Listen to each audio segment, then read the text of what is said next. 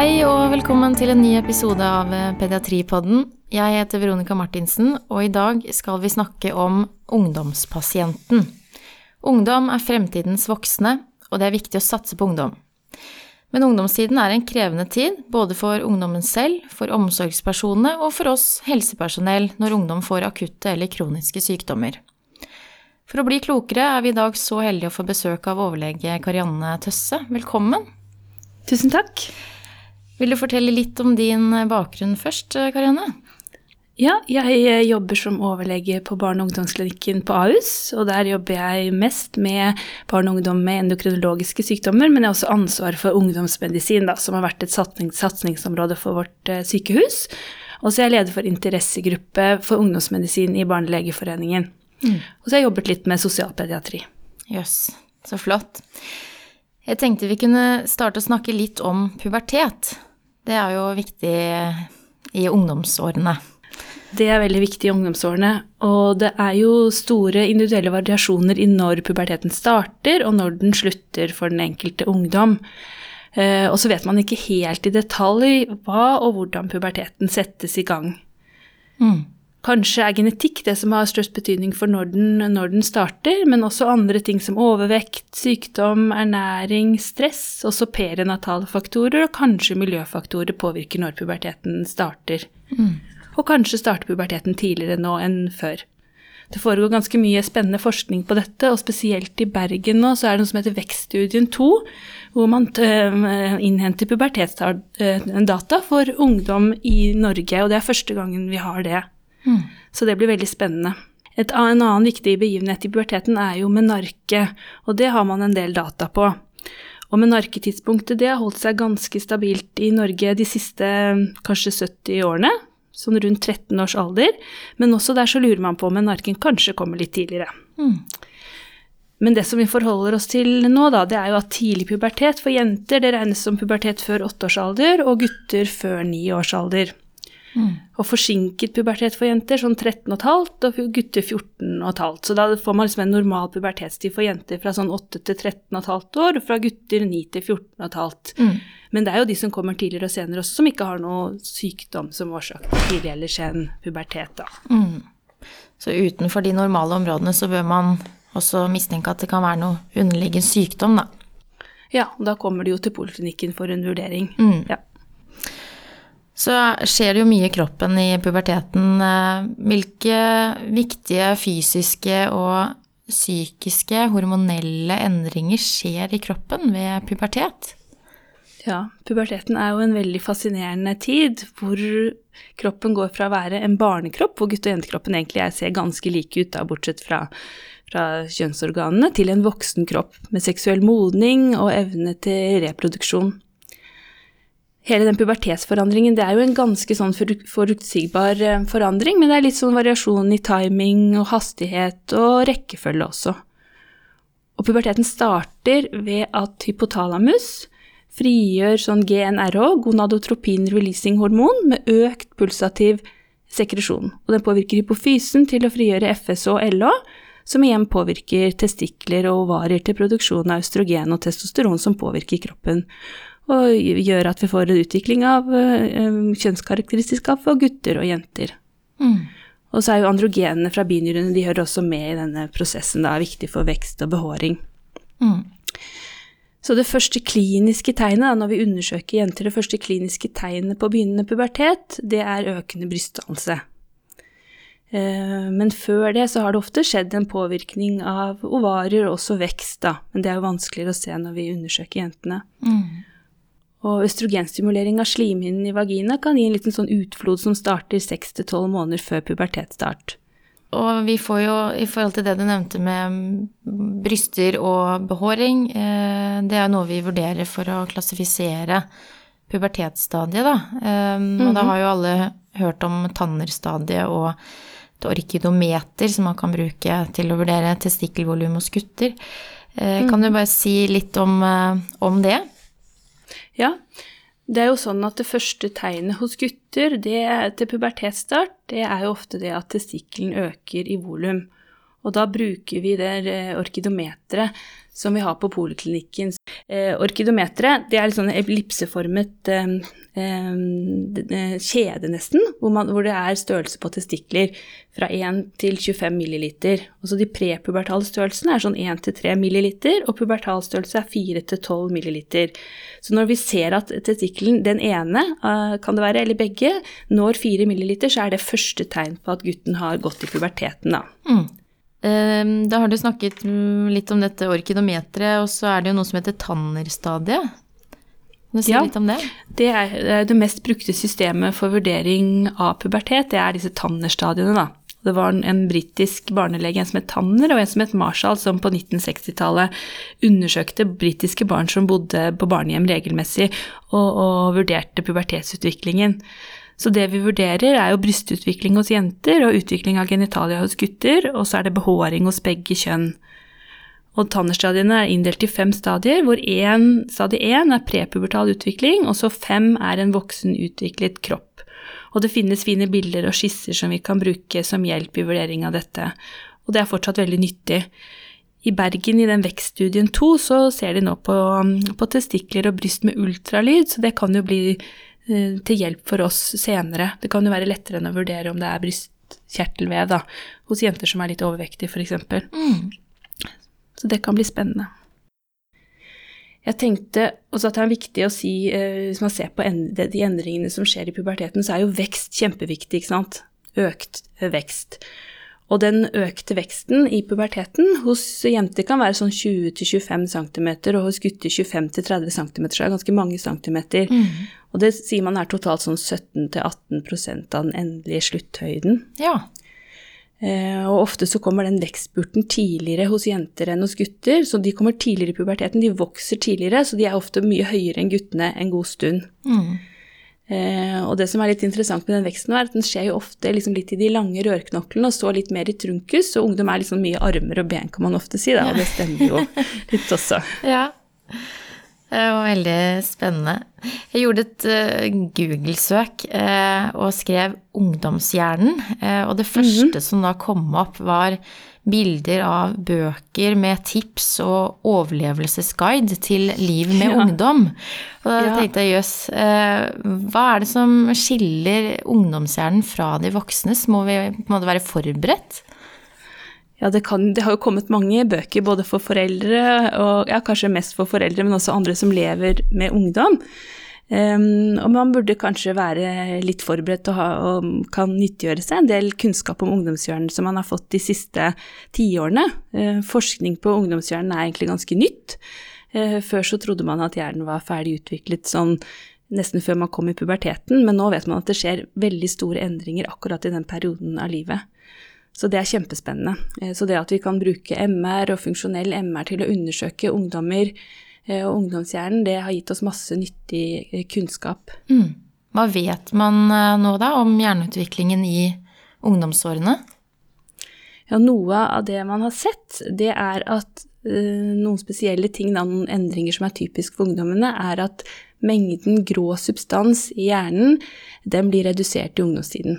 Den når sin topp sånn rundt tolv års alder, og så blir det mindre av grå substans at synapsene, forbindelsen mellom hjernecellene også i ungdomshjernen, blir færre, men sterkere. Så man tenker seg at de synapsene og forbindelsene som man bruker, de blir sterkere, men det er kanskje det man ikke bruker, det eh, blir litt borte, da. Så det er litt sånn use it or lose it. Ja. Så det er en viktig, viktig, tid for å bruke og lære seg det man ønsker å, å, lære, da. Så det er en god tid for å påvirke til gode endringer. Mm. Så det ryddes litt opp i hjernen? Ja, det ryddes litt opp i hjernen. Mm. Ja. Og så skjer det jo også en annen viktig ting, og det er at man får økt myelinisering. At man får mer av det hvite stoffet som er rundt nervefibrene, som gjør at forbindelsene i hjernen blir litt mer presise og litt sterkere. Så hjernen blir litt mer effektiv, kan man si. Mm. Og den starter bak hjernen, og så fortsetter den framover hjernen og avsluttes ved den prefrontale cortex, da, som er en viktig del av hjernen og som har viktige sentrale oppgaver. Så den prefrontale cortexen er på en måte den siste delen som virkelig får gode forbindelser med resten av hjernen. Mm. Det jeg sier nå er jo litt sånn grovt fortalt, ikke sant. Dette er jo ganske komplisert, men, men det er, er, litt sånn man kan tenke på at at det skjer, da. Mm. Og det som er viktig med den prefrontale cortexen, dens oppgaver er f.eks. planlegging, ta beslutninger, forstå konsekvenser, rette og endre oppmerksomhet, kontrollere oppførsel, kontroll av følelser, sosiale interaksjoner, å forstå seg selv og andre, og impulskontroll. Det er ganske kompliserte oppgaver den delen har. Og dette er jo en gradvis endring, så den fungerer jo, men den liksom er ikke helt ferdig før helt på slutten av utviklingen, da. Det er veldig interessant. Eh, Og ungdommer har jo en del karakteristiske trekk, om man kan bruke det ordet, og det er mye man kan si eh, det er så typisk ungdom til. Eh, vet man noe om sammenhengen eh, med det du har nevnt, da, og, altså med sammenhengen med ungdoms oppførsel og væremåte og hjernens utvikling i ungdomsårene? Ja, eh, og det har man jo laget ulike forklaringsmodeller for.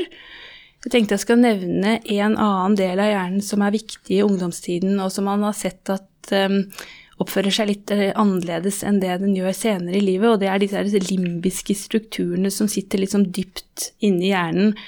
Um, som f.eks. har ansvaret for følelsesreaksjoner, liksom primitive emosjoner og belønningsreaksjon. Og dette systemet er litt mer aktivt i ungdomstiden. Det er lett påvirkelig av hormoner, de har sterke følelser, sterke belønningsreaksjoner, er mer påvirkelig av stress. Um, og de er sånn en, en, um, kraft, en, en stor belønning gir en kraftig reaksjon, men en liten belønning gir veldig lite reaksjon hos ungdommene, da. Um, og venner um, og, og skryt fra venner påvirker også denne belønningsreaksjonen. Så hele den belønningssystemet, hvis man kan kalle det det, er litt annerledes hos dem. Og dette um, sammen med den prefrontale cortexen som ikke er helt i funksjon i hjernen, eh, har man brukt til å prøve å forklare hvorfor ungdom eh, utøver mer risikoatferd enn det man gjør senere i livet. Mm. Det høres jo veldig kjent ut. Ja, man vet jo det at, at ungdomstiden At ungdom eh, dør oftere i ulykker og blir ofte skadet i ulykk, oftere skadet i ulykker enn det mm, voksne gjør, da. Og det ser man jo i hele verden. Um, og da tror man liksom at denne ubalansen mellom de limbiske strukturene, funksjonen der, og den, som jeg sa, den prefrontale cortexen som ikke klarer å kontrollere eh, helt eh, atferden, gjør at de utsetter seg for risiko, da, mer enn det voksne gjør. Og det, dette, dette er Um, dette gjelder ikke bare i, i den vestlige verden, det gjelder i hele verden. Da. Man har lurt på om det kan være noen kulturelle forskjeller, men det har man ikke sett. Så når man har gjort sånne store studier på risikoatferd for um, uh, ungdommer i hele verden, så ser man at, at de fleste har en sånn spenningssøken som er på topp ved sånn 18-19 års alder, og så får de en sånn økt egenkontroll som er på topp ved 23-24-25 års alder. Så det er en sånn ubalanse mellom spenningssøken og egenkontroll, da. Mm. Det er vel eh, sikkert det henger litt sammen med at det er i den samme tiden at ungdom begynner å eksperimentere med rusmidler og alkohol. Ja, ja. Og det er jo sånn at man vet at, eh, at ungdommer tar mer sjanser og eksperimenterer mer også når de er sammen med venner, da. Det har også studiet vist. Mm. Og til og med eh, i dyreverden, hvor det også finnes ungdomstider, da. Rotter f.eks., som har en veldig kort ungdomstid. Når det er gjort forsøk med rotter, så drikker de rottene mer alkohol når de er sammen med venner. Eller ikke venner, men andre rotter. Ja. Hvorfor når de er det? alene, da. Nei, det er vel at det gir en mer sånn eh, anerkjennelse fra, fra de, de, de Jeg vet ikke hva rottene tenker, Nei, men, men i hvert fall blant ungdommene så kan man tenke at det å, å, å, å vise seg fram, eh, gjøre, ta sjanser, gir økt eh, status da i flokken, og at, at man får anerkjennelse fra de andre ungdommene Mm. ved å tørre å, å eksperimentere. Ikke sant. Men uh, ungdom, er, er de bare umodne, eller klarer de å ta noen beslutninger selv uh, oppi all denne utviklingen? Han har jo sett at det er jo en gradvis utvikling av hjernen, og han har sett at hvis man under rolige forhold får ungdommer til å vurdere risiko ved, ved ulik atferd, så er de ganske flinke til det, nesten på høyde med voksne når de er sånn 14-15 år. Men så er det det at hvis de da blir litt stressa når de skal ta, vurdere risiko, eller påvirket av venner, eller får en sterk belønningsreaksjon, så har man sett at da klarer de ikke å, å tenke rasjonelt eh, og ta gode beslutninger lenger. Så det er litt det er påvirket av den eh, situasjonen de er i. Man har jo forsøkt å, å hjelpe ungdom til ikke å utføre risikoatferd ved å ha holdningskampanjer, noe som ikke har virket så godt. Så når man ser det at Fordi de kan vite at ting er riktig eller galt eller bra eller dårlig, men under stress så klarer de allikevel ikke å tenke klart. Så derfor har man tenkt at kanskje det er lurere for å beskytte ungdom å lage litt strengere regler og lover i samfunnet som kan regulere deres atferd. Når eh, tenker man at hjernen er ferdig utviklet, da? Ja, man tenker at den er sånn ferdig utviklet ved 24-25 års alder. Ja, nettopp. Men det skjer jo endringer i hjernen hele livet, men da tenker man at den, at den er ferdig utviklet. Ja. Så kommer jeg på noe nå. Man sier jo de som blir sammen, altså kjærestepar, da, som blir sammen i tidlig ungdomsalder, og så er det jo veldig mange som vokser fra hverandre. Det har jo ja. sikkert litt med, med, det å gjøre at man eh, er jo i en voldsom utvikling hver for seg. Ja. ja, og at man kan endre seg. Og det er jo en en, det som er fint uh, når man ser på ungdomshjernen, er at den er, har en stor nevroplastisitet. Så man har jo sett at ungdom også som har hatt uh, kanskje dårlige erfaringer tidligere i livet, eh, har mulighet til å endre det til, no, til, bedre, til det bedre da, for seg i ungdomstiden. Så det er en, en, tid for muligheter, men det også en tid for, for, hvor de tar sjanser, og at det er økt risiko for død og sykelighet pga. det. Men, men, det er også, også en, en, en, god tid, og det tenker jeg er viktig at vi vet, de, som jobber i helsevesenet, at vi kan være med å påvirke de ungdommene til å gå, ta gode helsevalg som kanskje fortsetter videre inn i voksen alder. Da. Mm, det er veldig viktig. Så det er jo veldig mange psykiske lidelser også som eh, debuterer i ungdomsårene. Er det tilfeldig? Mm. Nei, man tror ikke at det er tilfeldig, men vi vet ikke helt sikkert hvorfor det er sånn.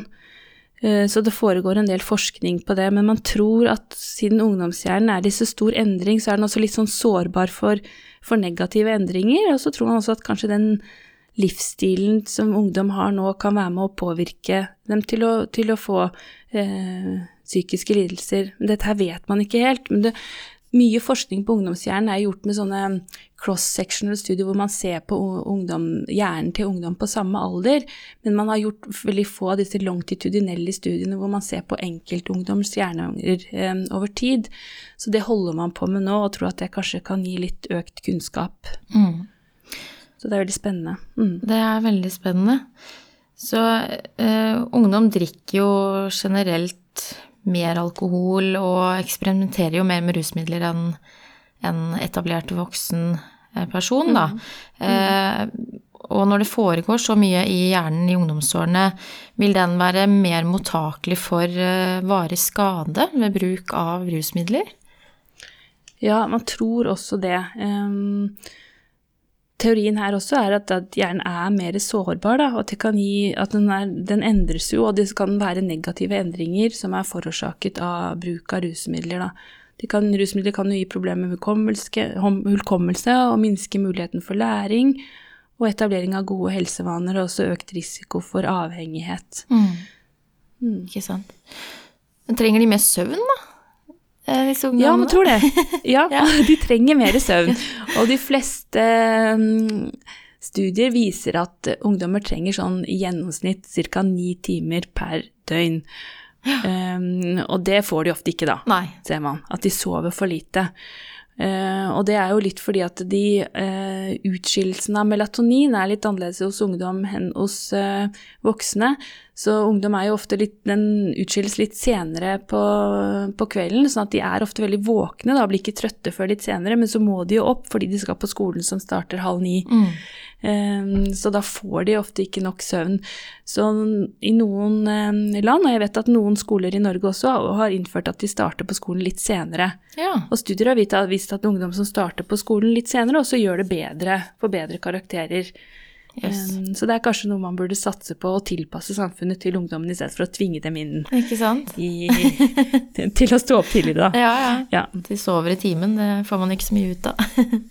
Det er, og så er det jo, an- ikke sant, de er, er jo mange ungdommer som holder på med mye skjermbruk, og det kan jo også påvirke eh, søvnkvaliteten, da. Mm. Så vi burde jo, burde jo prøve å få dem til å ikke drive med så mye skjerm, kanskje en times tid før de, før de legger seg. Ja, ikke sant. Men nå er det jo mye skjerm på skolen. Mange har jo iPad og PC-er. Man sitter jo generelt mye med skjerm.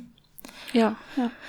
Um, hvilke spesielle utfordringer eh, er det Vi møter jo da ungdom med akutt sykdom og, og kronisk sykdom på sykehus, og, og de har jo da spesielle utfordringer. Um, kan du si litt om det? Hva, altså hvilke spesielle utfordringer møter vi? Ja. Når vi møter ungdommer som får kroniske sykdommer, så møter vi jo unge mennesker som utvikler seg både psykisk, fysisk og sosialt, som er i en prosess hvor de skal bli selvstendige individer og finne sin plass i samfunnet og være som de andre, hvor det er viktig å være vanlig. Eh, og det å få en, en sykdom, det truer den utviklingen, da, ikke sant. Ofte så, så særlig de med kroniske sykdommer, de blir jo mer avhengig av foreldrene sine enn det de eh, var tidligere. Eh, den selvstendigheten som de hadde begynt å få, den må kanskje reduseres igjen, ikke sant. Eh, Og det påvirker det sosiale livet deres, eh, hva de kan være med på, og de, de føler seg annerledes enn det de andre på sin, deres alder er, da. Mm. Ehm, er- det mange ungdom som blir litt satt tilbake, sånn i forhold til utvikling? Ja, det kan jo det er den, Særlig sånn de ungdommene som kanskje akkurat har begynt å være ganske selvstendige, eh, de må da tilbake til å, hvor foreldrene kontrollerer Mm. eh, mer av hverdagen og må Så det kan være veldig vanskelig. Mm. Eh, Den, og det å få en kronisk sykdom kan jo også påvirke vekst- og pubertetsutviklingen deres, også den fysiske utviklingen. Ikke sant? Ja, sånn at jeg jobber, jeg jobber spesielt med ungdom med diabetes, og det å få diabetes eller ha diabetes når du er ungdom, det kan være ganske, ganske krevende. Eh, De trenger ofte mer insulin når de vokser og blir større, samtidig som de skal ta over kontrollen av behandlingen selv, Mm. som er en ganske krevende behandling. Ja. Som krever at de konsentrerer seg og husker å sette insulin hver gang de skal spise, og så skal de leve dette ungdomslivet hvor de skal gjøre alle ungdomsting som, som andre ungdommer gjør, og ikke være annerledes. Mm. Og det kan føre til, en, til at det er vanskelig å få gjennomført en god behandling akkurat i den fasen i livet. Mm. Det krever tett oppfølging. Er det krever jo at de tett oppfølging, men også må vi tørre å gi dem ansvaret, da. Mm. Gradvis. Og tørre kanskje at det ikke går helt bra hele tiden også. Ja, ikke sant. Og vi får mye informasjon fra ungdom eh, som de kanskje ikke har lyst til å dele med foreldrene alltid, og det er ikke alltid at det som blir sagt er så kritisk at foreldrene må vite om det. Og jeg har lurt på noen ganger hvordan man skal journalføre sånn informasjon, for det, man sender jo notater i posten, og foreldrene har jo innsyn i journal inntil en viss alder. Ja. Det vi em, På Ahus har vi innført noe som heter Ungdomssamtalen, som er en litt sånn strukturert samtale som ungdom får tilbud om, hvor vi snakker om ulike temaer.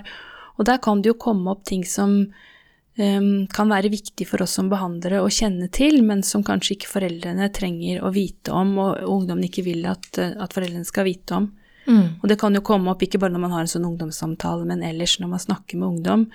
Og da, det, sånn vi har løst det, er at vi har jo kanskje skrevet et lite, um, liten kommentar i journalnotatet, og så har vi skrevet et litt mer utfyllende notat i skjermet, no, i skjermet journal, som, fin- som det går an å bruke i DIPS. Eller så går det jo an, hvis det er den samme behandleren og noen jeg kjenner som kommer igjen til meg flere ganger, så kan det jo holde med bare et lite stikkord eh, i journalen som gjør at jeg husker hva vi har snakket om. Mm. Men det, kan, det er en litt vanskelig balanse noen ganger. Um, og det er litt vanskelig å vite Vi må jo dokumentere nok til at vi husker det som er, er viktig å få med oss for å hjelpe ungdommene. Ikke sant. Så jeg tenker jo eh, det at man har god kunnskap om eh, pubertet og forståelse og kunnskap om eh, ungdomshjernens utvikling, vil også gjøre det lettere å kommunisere riktig med ungdom og få til en bra behandling, da. Hvordan Ja. kan man bruke denne kunnskapen for å snakke bedre med ungdom? Ja. Jeg tror det er viktig å ha kunnskap om pubertetsutvikling, hjernens utvikling, men hele den biopsykososiale utviklingen som ungdom eh, går igjennom. Det kan hjelpe oss til å forstå og prøve å tilpasse både kommunikasjon og helsevesenet til, til ungdom. Da. Um, og det er viktig at ikke det er bare vi barnelegene som, som har den kunnskapen, men også de på mottakerne av, av ungdommen med kroniske sykdommer når de skal over til voksen eller fastlegen, at de vet at det ikke er en, en helt voksen person, fullt utviklet voksen, som kommer over dit, da. Og så tror jeg den, det er nyttig å vite at de, de utvikler seg gradvis. Sånn at når, den, når ungdommene kommer på poliklinikken Jeg pleier å ha et sånt skjema over biopsykososial utvikling som henger på poliklinikken, og så prøver jeg å tenke sånn ok, hvor gammel er den ungdommen som kommer til meg nå, hva kan jeg forvente av han eller henne? Eh, og det er jo individuelle variasjoner, men jeg kan jo tenke litt ikke sant, hvordan skal jeg eh, hva kan jeg forvente av, av forståelse? Eh, hvordan skal vi finne motivasjon for behandling hos denne ungdommen? Fordi man vet at de ungdommene, de, unge, de yngste, de tenker jo veldig litt sånn konkret, mens de som er litt eldre, de har evne til abstrakt tenkning som er, er mer utviklet enn de, de yngre, og kan, de kan jo klare å tenke på konsekvenser av å ikke å ta behandling fram i tid, mens, mens de yngre må kanskje tenke litt mer her og nå, og ha litt sånne kortsiktige mål uh, for behandlingen, og, og, og, finne motivasjon i, i små uh, hverdagsting. Mm. Så det kan være nyttig, ja. Veldig nyttige tips å, å ta med seg i møte med ungdom. Og i en senere episode av Pediatripodden så skal vi snakke litt nærmere om overgangen fra barn til voksenoppfølging. Mm. Mm. Um, og jeg har i hvert fall lært utrolig mye, og jeg tror, uten å ha snakket med alle jeg kjenner, at det å møte ungdom kan være litt skummelt. Men jeg tror man, det er viktig at man ser på ungdommen som en veldig spennende pasienter. Mm. Um, kanskje vi skal da avslutte med tre viktige take home messages til de som hører på. Ja, det er viktig å huske at ungdom er en egen gruppe eh, som trenger spesiell tilpasning i samfunnet. Og ungdomshjernen er ikke ferdig utviklet før de er 24-25 år. Og vær interessert i ungdommene og livene deres. Mm. Så blir det spennende. Så bra. Tusen, tusen takk for at du kunne være med, Karianne Tøsse. Veldig hyggelig at jeg fikk komme. Ja, så bra. Og tusen takk til alle dere som hører på Pediatripodden. Vi høres i neste uke.